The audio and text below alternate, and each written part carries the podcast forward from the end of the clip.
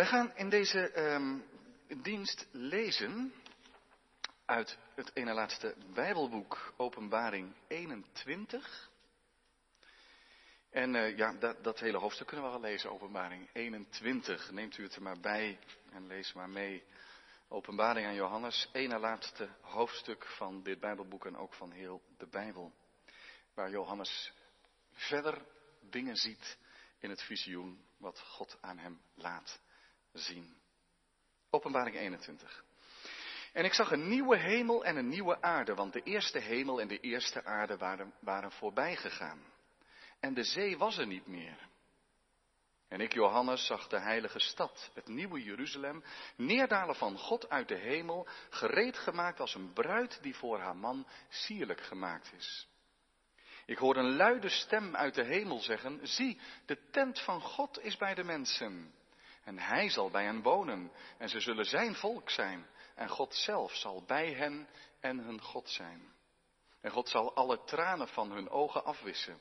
En de dood zal er niet meer zijn, ook geen rouw, jammerklacht of moeite zal er meer zijn, want de eerste dingen zijn voorbij gegaan. En hij die op de troon zat, zit, zei, zie ik maak alle dingen nieuw. En hij zei tegen mij, schrijf, want deze woorden zijn waarachtig en betrouwbaar. En hij zei tegen mij, het is geschied. Ik ben de Alpha en de Omega, het begin en het einde. Wie dorst heeft, zal ik voor niets te drinken geven uit de bron van het water des levens. Wie overwint, zal alles beërven. En ik zal voor hem een God zijn. En hij zal voor mij een zoon zijn. Maar wat betreft de lafhartigen, ongelovigen, verfoeilijken, moordenaars, ontuchtplegers, tovenaars, afgodendienaars en alle leugenaars, hun deel is in de poel die van vuur en zwavel brandt. Dat is de tweede dood. En een van de zeven engelen, die de zeven schalen hadden, vol van de zeven laatste plagen, kwam naar mij toe en hij sprak met mij en zei, kom, ik zal u de bruid, de vrouw van het lam, laten zien. En hij voerde mij weg in de geest op de grote en hoge berg en liet mij de grote stad zien, het heilige Jeruzalem, dat neerdaalde uit de hemel bij God vandaan. Zij had de heerlijkheid van God en haar uitstraling was als zeer kostbare edelsteen, als een kristalheldere steen jaspis. Ze had een grote en hoge muur met twaalf poorten en bij de drie poorten twaalf engelen. En ook waren er namen opgeschreven, namen namelijk van de twaalf stammen van de Israëlieten. Drie poorten op het oosten, drie poorten op het noorden, drie poorten op het zuiden en drie poorten op het westen. En de muur van de stad had twaalf fundamenten met erop de twaalf namen van de twaalf apostelen van het lam. En hij die met mij sprak, had een gouden meetlat om de stad op te meten en haar poorten en haar muur. En de stad lag daar als een vierkant. Haar lengte was even groot als haar breedte. En hij mat de stad met de meetlat op twaalfduizend stadien. Haar lengte, breedte en hoogte waren gelijk. En hij mat haar muur op 144 L, een mensenmaat die ook de maat van een engel is. En het bouwmateriaal van de muur was jaspis. En de stad was zuiver goud, gelijk aan zuiver glas. En de fundamenten van de muur van de stad waren met allerlei edelgesteenten versierd. Het eerste fundament was jaspis, het tweede saffier, het derde chalcedon, het vierde smaragd, het vijfde onyx, het zesde sardius, het zevende chrysoliet, het achtste beryl, het negende topaas, het tiende chrysopraas, het elfde hyacint, het twaalfde amethyst. En de twaalf poorten waren twaalf parels. Elke poort apart bestond uit één parel. En de straat van de stad was zuiver goud als doorzichtig glas. Ik zag geen tempel in haar, want de Heere, de Almachtige God, is haar tempel en het lam. En de stad heeft de zon en de maan niet nodig om haar te beschijnen, want de heerlijkheid van God verlicht haar en het lam is haar lamp. En de naties die zalig worden zullen in haar licht wandelen en de koningen van de aarde brengen hun heerlijkheid en eer erin. En haar poorten zullen overdag nooit gesloten worden, want daar zal geen nacht zijn. En zij zullen de heerlijkheid en de eer van de naties daarin brengen. Al wat onrein is, zal er niet inkomen. En ook niemand die zich bezighoudt met gruwelen en leugens, maar alleen zij die geschreven zijn in het boek van het leven van het lam. Tot zover lezen we het woord van God. Zalig zijn zij die het woord van de Heere onze God horen en geloven en daaruit leven. Amen. Openbaring 21, vers 5 is dus de tekst van de prediking. Gemeente van onze Heer Jezus Christus, jongeren, jongens en meisjes. Waar gaat het naartoe met deze wereld? Vraag je dat nooit af? Misschien niet, misschien geniet je simpelweg van het leven. Er is ook veel te genieten. Je maakt een wandeling door de natuur en je geniet van de pracht van de schepping van de natuur. En als de Heer het geeft, hebben we vele momenten van geluk en van vrede, van eh, liefde en zorgzaamheid voor elkaar. Maar als we eerlijk zijn en we lezen een beetje de krant of volgen de journaals en we kijken om ons heen in de wereld, is er ook zoveel verdriet. Zoveel gebrokenheid, misschien wel in uw of jouw leven. Depressie, stress, angst. Zeker als we om ons heen kijken in deze wereld is dat zeker waar. Waar gaat het naartoe? We zien oorlogen, vluchtelingenstromen, onrecht. Om nog maar te zwijgen over klimaatverandering.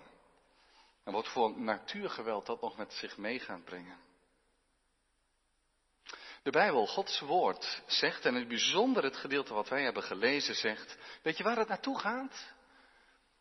Het gaat heen naar de nieuwe hemel en de nieuwe aarde. Zoals het nu is om ons heen in de wereld, is het dus niet Gods uiteindelijke bedoeling. Het is heel belangrijk om dat te blijven bedenken. Wij hebben hier niet het eeuwige leven. We moeten dat niet denken. Maar als je in verwarring komt van waarom laat God dit alles toe, is het alleen al heel belangrijk om te beseffen dat God ergens naartoe werkt. Waar rouw niet meer is, waar dood niet meer is, waar geschreeuw of een angstkreet er niet meer is. Het gehaal is over. Er komt een nieuwe hemel en een nieuwe aarde. Alles wordt nieuw. Het is geen kleine reparatie aan deze wereld. Het is een totale vernieuwing. Noem het maar een herschepping. Niet dat het oude helemaal weg is. Dat had God al wel eerder kunnen doen. De mensen in zonde gevallen, dan begin ik wel overnieuw. Zoals wij kinderen. Als kinderen een tekening maken en het bevalt niet helemaal, dan gaat hij in elkaar overnieuw beginnen. Zo heeft God dat niet gedaan. Deze wereld, deze hemel en aarde, maar die gaat wel naar de toekomst mee, maar door een totale vernieuwing heen. Van de eerste dingen waarin we nu leven naar de laatste dingen. En dat gaat niet zomaar. Dat gaat blijkbaar niet zonder slag of stoot. Wij begrijpen daar het fijne niet van. God is almachtig. En toch zet Hij de dingen in deze wereld niet als met een vingerknip recht. Dat kan wel een hele vraag opleveren trouwens. Als je net met heel veel verdriet in je leven zit. Of met rouw. Van mensen die je mist. Het leven ligt overhoop. En dan denk je, maar waarom laat God dat toe? Is God dan niet machtig om het zo even voor mij en voor vele anderen in orde te brengen? Zo gaat dat blijkbaar niet. Al begrijpen we er niet het fijne van. Blijkbaar is die zonde zo ernstig dat de vorst van deze wereld, de Satan, echt recht van spreken heeft gekregen. Dat hij zich echt terrein heeft gewonnen. En hij moet verwijderd. Hij moet ten onder. En het kwaad. En dan gaat de Heer ook niet over één nacht ijs om, maar even zo te zeggen. Het kwaad moet tot in de wortel weggedaan worden. God geeft niet een klein beetje een betere wereld, waar toch nog weer de zonde kansen heeft. Maar hij maakt alle dingen nieuw, zodat het totaal nieuw zal zijn. En daarom zullen daar ook geen goddelozen zijn. Mensen die niet mee willen in dat grote plan van God. Daar zullen mensen zijn die het lam hebben liefgekregen. Die gekocht zijn door het bloed van het lam. Die God lief hebben gekregen. Vergeet niet dat de openbaring een troostboek is. Een troostboek voor de kerk. Ben je jaloers op Johannes? Dat hij een kijkje in de hemel krijgt? En in de toekomst? Ja, dat zouden we maar zo kunnen zijn, jaloers. Maar vergeet dan niet dat hij een vervolgde christen is. Dat hij verbannen is. Hij woont daar. Woont, je kunt dat misschien niet eens wonen noemen, op dat eiland Patmos. Door keizer Domitianus verbannen. Op zijspoor gebracht. En de gemeenten, die staan onder druk. Hij schrijft voor een kerk die de adem inhoudt. We hebben Nero gehad, dat was al vreselijk. En nu Domitianus, waar gaat het naartoe in deze wereld en met de kerk? Maar de Heer bemoedigt zijn kerk door, door Johannes heen, door die visioenen heen, op een bijzondere manier. Hij laat zien wat hij doet. Er staat zo verteld, openbaring 4, ons een troon in de hemel. Hier kijken wij tegen dit leven aan en het lijkt wel alsof God er niet is. Maar als Johannes dan even in de hemel mag zien, dan ziet hij daar een troon met God daarop. En het is glorie en heerlijkheid. En God blijkt alle dingen te regeren. En, en hoofdstuk 5 vertelt ons dat God een boekrol heeft in zijn hand. Verzegeld. Maar dat het lam van God, wat de dood heeft overwonnen en wat zichzelf opgeofferd heeft, dat het lam van God die boekrol ontvangt uit de hand van God. En dat heel de geschiedenis zich zal ontrollen als vanuit de handen van het lam.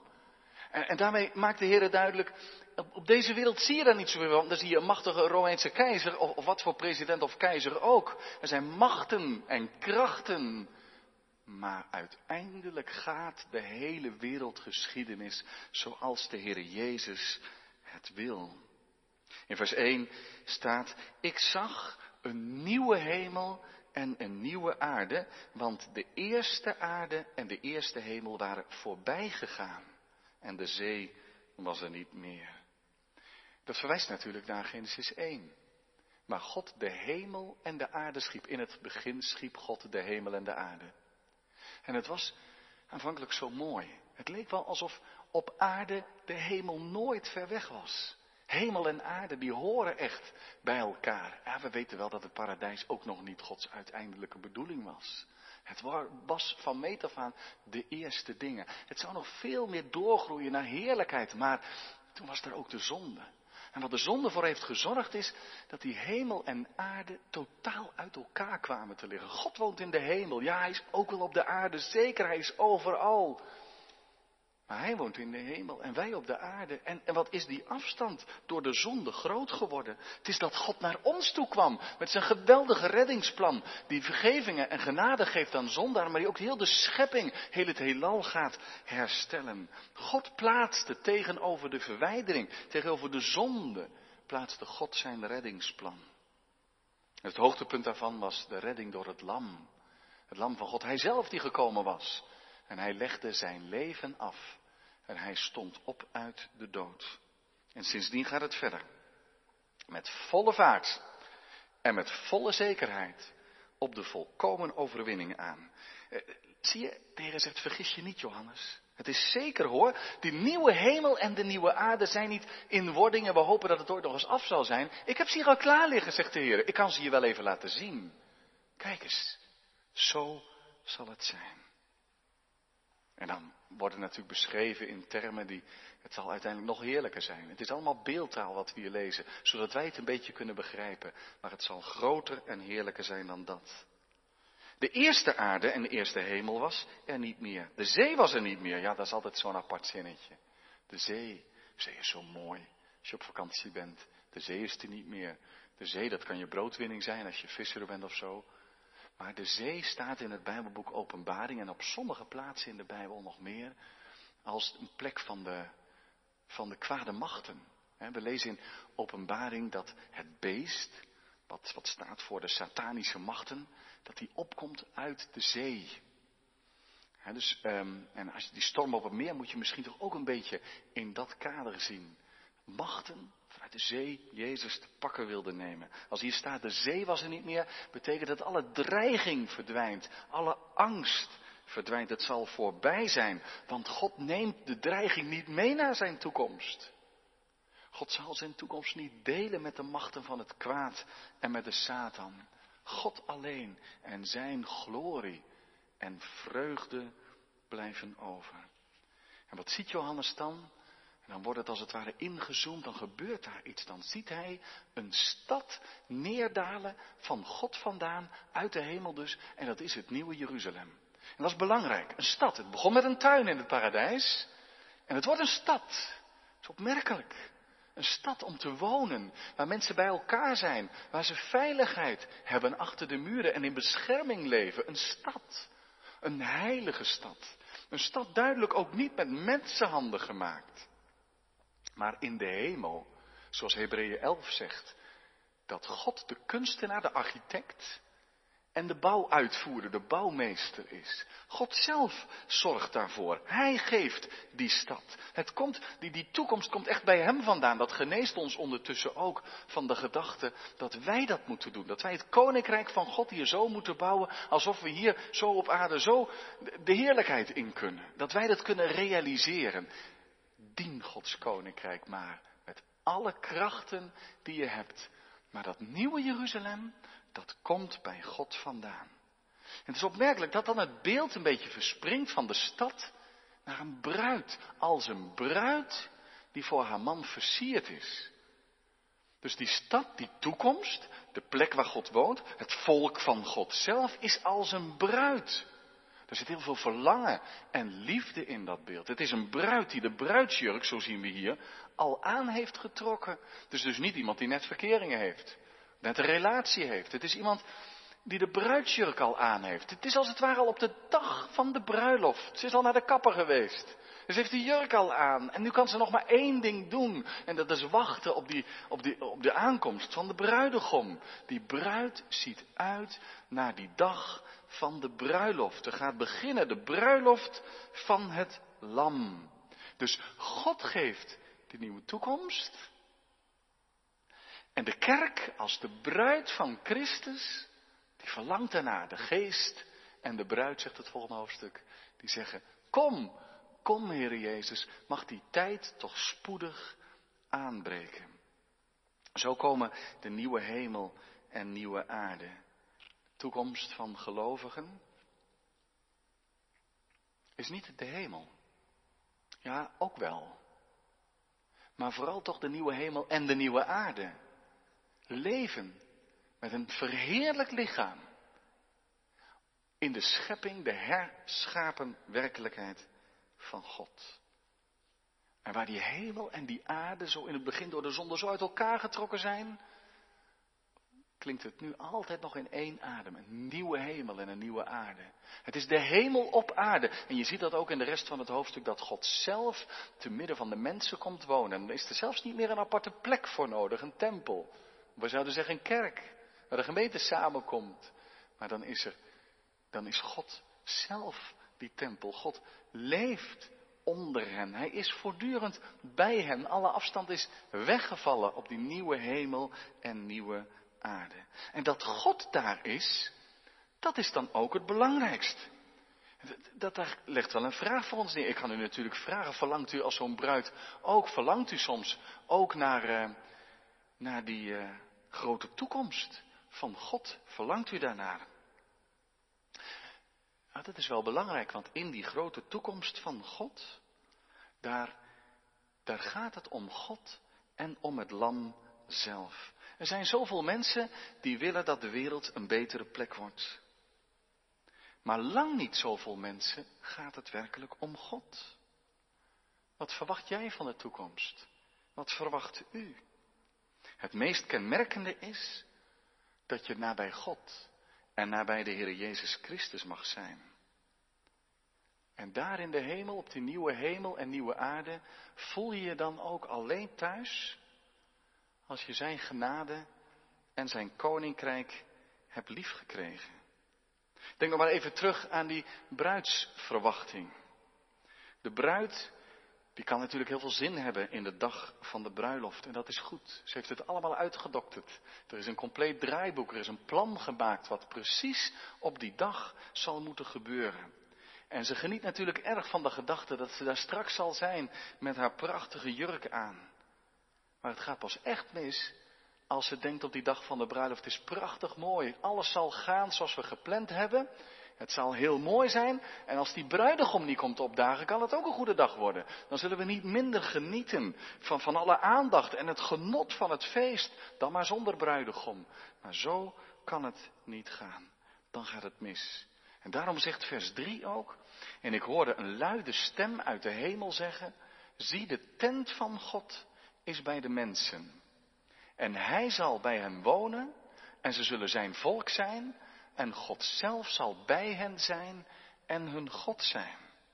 Zie, de tent van God, dat klinkt wat raar, zeker als verderop in het hoofdstuk ook staat dat er geen tempel meer in die stad zal zijn, maar dat God daar zal zijn. Maar hier staat het met de woorden zoals het begon. Toen God onder zijn volk Israël kwam wonen, toen moest daar een tabernakel, een tent van samenkomst staan. Nou, nu zal dat helemaal in vervulling gaan. Maar toch veel rijker dan toen. Want in de tijd dat die tabernakel daar stond, toen was de ontmoeting met God je zou kunnen zeggen, behoorlijk spannend. Er moesten offers worden gebracht, er waren verschillende offers en er waren weet ik niet hoeveel regels voor. Dat was ook Gods genade. God die leerde hoe je met hem kon omgaan. Dat was al een hele zegen. Maar die ontmoeting met God stond altijd onder hoogspanning. Want wij zijn zondige mensen. En hoe kunnen we nu samenleven met die grote en heerlijke en eeuwige God? Maar nu als hier dit in vervulling gaat, de tent van God is bij de mensen, dan heeft de vrees plaats gemaakt voor alleen maar vreugde. Dan vervult God al zijn verbondsbeloften, namelijk hij zal bij hen wonen en zij zullen zijn volk zijn. En God zelf zal bij hen en hun God zijn. Beloften uit het Oude Testament zullen in vervulling gaan. Ik denk aan Ezekiel 37, vers 27, waar de Heer profeteerde, mijn tabernakel zal bij hen zijn. En ik zal een God voor hen zijn. En zij zullen een volk voor mij zijn. En dat is de kern. Dus vers 4, waar zo prachtig in staat dat God de tranen van de ogen afwist en de dood er niet meer is, is er niet zonder vers 3. Die twee horen bij elkaar.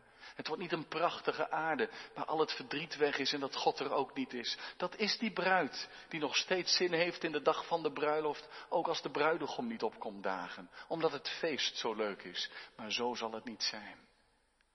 Alleen zij zullen zich in die tijd verheugen, omdat God bij hen is. En dan, dat is een tekst uit Jezaja 25, dan staat er, God zal alle tranen van hun ogen afwissen. God zal alle tranen van hun ogen afwissen. En de dood zal er niet meer zijn. En ook geen rouw, jammerklacht of moeite zal er meer zijn. Want de eerste dingen zijn voorbij gegaan. Dan maakt God het goed. En het bijzondere is, als God het goed maakt en heel maakt, dat Hij niet voorbij gaat aan het leed, aan de ellende en aan het verdriet. Hij gaat daar niet aan voorbij. Hij neemt dat weg. Hij doet het niet alleen weg, maar hij wist de tranen van hun ogen af. Teder als een vader, zorgzaam als een moeder, zal God die tranen wegwissen. Al die tranen waarvan Psalm 56 zegt, vangt u ze alstublieft op in, mijn in, in uw kruik. Dat doet God. Hij bewaart die allemaal. Ze zijn te kostbaar om te laten opdrogen of op de grond te laten vallen. God bewaart al die tranen om ze dan van de ogen te wissen. En dan zal de dood er niet meer zijn. En geen rouw meer. Oh, die schrijnende pijn van binnen. De leegte, het gemis van een geliefde die je mist. Een kindje misschien. Of een man of vrouw. Of een andere geliefde. Er wordt niet meer geschreeuwd om hulp uit verdriet. Geen rouw meer. Geen jammerklacht. Geen moeite, want de eerste dingen zijn voorbij gegaan. De eerste dingen zijn voorbij. Zelfs herinnering aan het verdriet geeft geen schaduw meer over de vreugde. Wat is dat een heerlijke tekst? Bakken vol troost. In één zo'n tekst. En niet om iets van de ellende en de moeite en het verdriet in dit leven af te doen. Er zijn grote vragen waar we vaak geen antwoord op krijgen. Maar ergens denk ik toch dat de vreugde van de toekomst niet zo groot zou zijn zonder de tranen van nu. Anders gezegd, als God daar de tranen afwist, proeven mensen die het meeste tranen in hun ogen hebben, het meeste troost. En dan spreekt God zelf in onze tekst.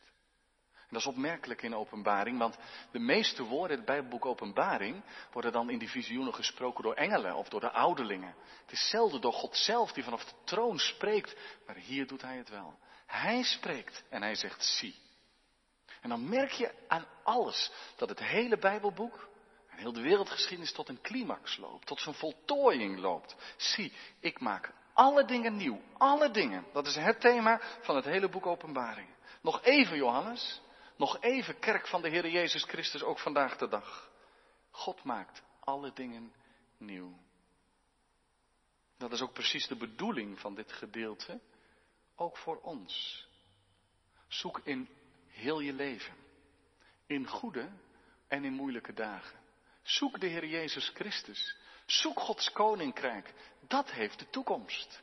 De vorst van deze wereld is verslagen. Als je alleen maar kijkt naar de dingen van deze wereld en je ziet veel moois, je wordt goed vermaakt, dan zou je dat kunnen vergeten. Maar gelukkig maar dat dit het laatste niet is. Gelukkig maar dat aan de uitbuiting, aan het bittere kwaad eens een einde zal komen.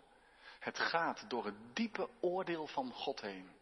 Als we de nieuwe Jeruzalem uit de hemel zien dalen, dan staat dat tegenover de val van Babylon in hoofdstuk 18. God ruimt het kwaad op en alle dienaars van het kwaad, alle mensen die hun eigen ik nastreven, die kunnen die hemel en nieuwe hemel en aarde niet binnengaan. Ze zouden zich er niet thuis voelen ook. Ze passen daar niet. Want daar is vreugde om de Heer Jezus Christus. Vreugde in recht en gerechtigheid. Vreugde om zijn genade. Zoek het bij God. En het is zeker hoor. Of nou de Heer zelf doorgaat met zijn woord. Velen denken dat dan de, de engel het overneemt. Dat weer die stem van de engel klinkt. Schrijf deze dingen op. Johannes moet het zwart op wit zetten. Zodat je het zeker weet, je krijgt het zwart op wit. Ik wil graag een bevestiging, zeggen we wel eens. Het bonnetje mee. Nu zegt de Heer, je krijgt het zwart op wit. Kerk van Jezus Christus. Om bij die woorden te leven. Want het is zo zeker als maar kan. En dan staat er, deze woorden zijn waarachtig en betrouwbaar. En vers 6, hij zei tegen mij, het is geschied. God zegt dan, ik ben de alfa en de omega. Het begin en het einde. Het is geschied.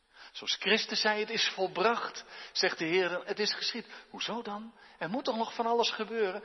Nee, zegt de Heer, het is al klaar. Ja, en de wereld gaat er nog even door. Maar het is zo vast en zeker. Het is niet een onzekere uitkomst. Het is niet nog een onzeker tijdje en dan maar hopen dat het goed komt. Het is geschied. Het is volbracht. Die erfenis ligt klaar voor u in de hemel. Want ik ben de Alpha en de Omega. De eerste en de laatste. Ik omspan alle dingen. En ik breng die schepping van het begin door het kwaad heen van zondeval en redding tot zijn hoogtepunt, die nieuwe hemel en nieuwe aarde waar ik onder de mensen woon. Wat betekent dat voor jou? Laat niets je afleiden van de weg van Jezus Christus. Wees dan als die bruid die zich sierlijk maakt voor de dag van de bruiloft. Verwacht Hem Bezoedel je bruidskleding niet door de zonde. Laat hij er niet in, laat hij de vreugde en de vrede niet wegnemen. Maar zoek de Heer Jezus Christus. En wat het ook tegen ons zegt is dit. Wie overwint, vers 7, die zal alles beërven. Gaat iedereen dan naar die heerlijke plaats? Kijk eens hoe het in vers 27 staat. Al wat onrein is, zal er niet inkomen. En ook niemand die zich bezighoudt met gruwel en leugens. Maar alleen zij die geschreven staan in het boek des levens van het lam. En daar staat iedereen in die de Heer Jezus nodig heeft. In Hem gelooft en Hem prijst. Dan sta je ook in het boek van het leven van het lam. Heel ernstig is het wat er in vers 8 staat. Maar wat betreft de lafhartigen, dat zijn de mensen die het eigenlijk opgeven. Die dan, dat zou Johannes zijn als hij op Patmos zou zeggen, nou ik heb de Heer altijd gediend, maar nu ben ik in ballingschap gegaan, nu stop ik er maar mee. Dat zouden de gemeenten zijn als je zegt, ach, we hebben welvaart en, en rust, we hebben de Heer niet meer nodig. Dat zouden we zijn als we onder druk toch ons gaan voegen naar deze wereld en de Heer Jezus vergeten. de ongelovigen, de ontrouwen, de verfoeilijken, de moordenaars, de ontuchtplegers, de tovenaars, de afgodendieners en alle leugenaars. Hun deel is in de poel die van vuur en zwavel brandt. Dit is de tweede dood. Openbaring spreekt er soms over. De Heere spreekt erover. Een tweede dood, namelijk oordeel. Die niet voorbij gaat, maar ten onder, omdat God een heilige en rechtvaardige God is. En, en dat is naast een ernstige kant in deze tekst ook een troostvolle kant. Ze zullen er niet zijn in Gods grote toekomst. Want hier is het altijd weer mogelijk dat Gods kerk verdrukt wordt. En het zal altijd zo blijven. Maar dan niet meer. Dan is de zonde totaal weggedaan. En ben je een liefhebber van de zonde? Dan kom je er ook niet en kun je in die stad geen kwaad meer doen. Er zal niet zijn wat de feestvreugde in de weg staat. Die nieuwe hemel en de nieuwe aarde komen. Het gaat wel door het oordeel van God heen. En als we een beetje naar onszelf kijken, en het onderwijs van de Bijbel serieus nemen, dan weet je hoe je dan de Heer Jezus nodig hebt. Wij kunnen voor God niet bestaan. We hebben dat bloed van het lam nodig. Maar dat is er. En dat is er in rijke mate. Zegt de Heer daarom hier in vers 6. Wie dorst heeft, zal ik voor niets te drinken geven uit de bron van het water van het leven. Dat is de boodschap die dan zal gelden. Eindeloos, nooit meer dorst hebben. Maar die ook nu geldt. Kom tot de wateren, alle dorstigen. Kom maar. En je zult gratis overvloed krijgen. Wend je maar naar God toe. En je ontvangt het van Hem echt genade en nieuw leven. Zie je, dat heeft een boodschap voor ons, vers 7 en 8. Je moet overwinnen, dat wil zeggen volharden in het geloof. Overwinnen is een woord van openbaring 2 en 3, van die zeven brieven aan de zeven gemeenten. Wie overwint? Ik zal hem een nieuwe naam geven. Overwinnen betekent volharden door de kracht van God. En dan staande blijven. Ook in de dag van vervolging en van moeite. Je hoop op God stellen. En dan in Jezus' naam ingaan in die eeuwige heerlijkheid. Blijf vertrouwen. Oefen jezelf in de navolging van de Heer Jezus Christus. Zelfs als het pijn doet. Want dan laat de Heer je iets proeven. Ook in de moeite en het verdriet dat Hij genadig nabij is. En dat Hij troost zoals niemand troosten kan. En dan mag je leven bij wat je zwart op wit krijgt. Dat er een dag aanbreekt. Dat tranen van de ogen worden afgewist. Geef niet op, ook niet in verdriet. Als moedeloosheid op de loer ligt en je zou het opgeven, hou moed. Het leven duurt niet zo lang. Niet zo lang in vergelijking met de nieuwe hemel en de nieuwe aarde en leven tot in eeuwigheid. Geef niet op. Het is het niet waard om op te geven. Het is het wel waard om op de Heer Jezus Christus te zien. En op wat Hij heeft gedaan. O laat de toekomst van God en van het Lam ons richting geven in ons leven. Dat wil zeggen, laat dat bepalen hoe we leven, hoe we onze keuzes maken, hoe we dienstbaar zijn. Dat Hij door zijn geest woont in ons hart. Wat zal dat zijn om daar bij God te zijn? Wat een dag zal dat wezen? Je kunt het je eigenlijk niet voorstellen. Hoe heerlijk. Het is in het hart, in de gedachten van de mens niet eens opgeklommen. Het is groter dan we kunnen denken. Maar dit hoofdstuk hebben we gekregen om ernaar te verlangen. En om onderweg te blijven, te volharden. En om ons nu vast te verheugen. Als een bruid die wacht op de bruidegom. Amen. Wij zingen een lied.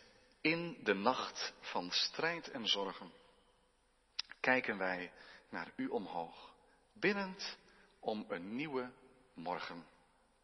Om een nieuwe toekomst, om een toekomst vol van hoop. Amen.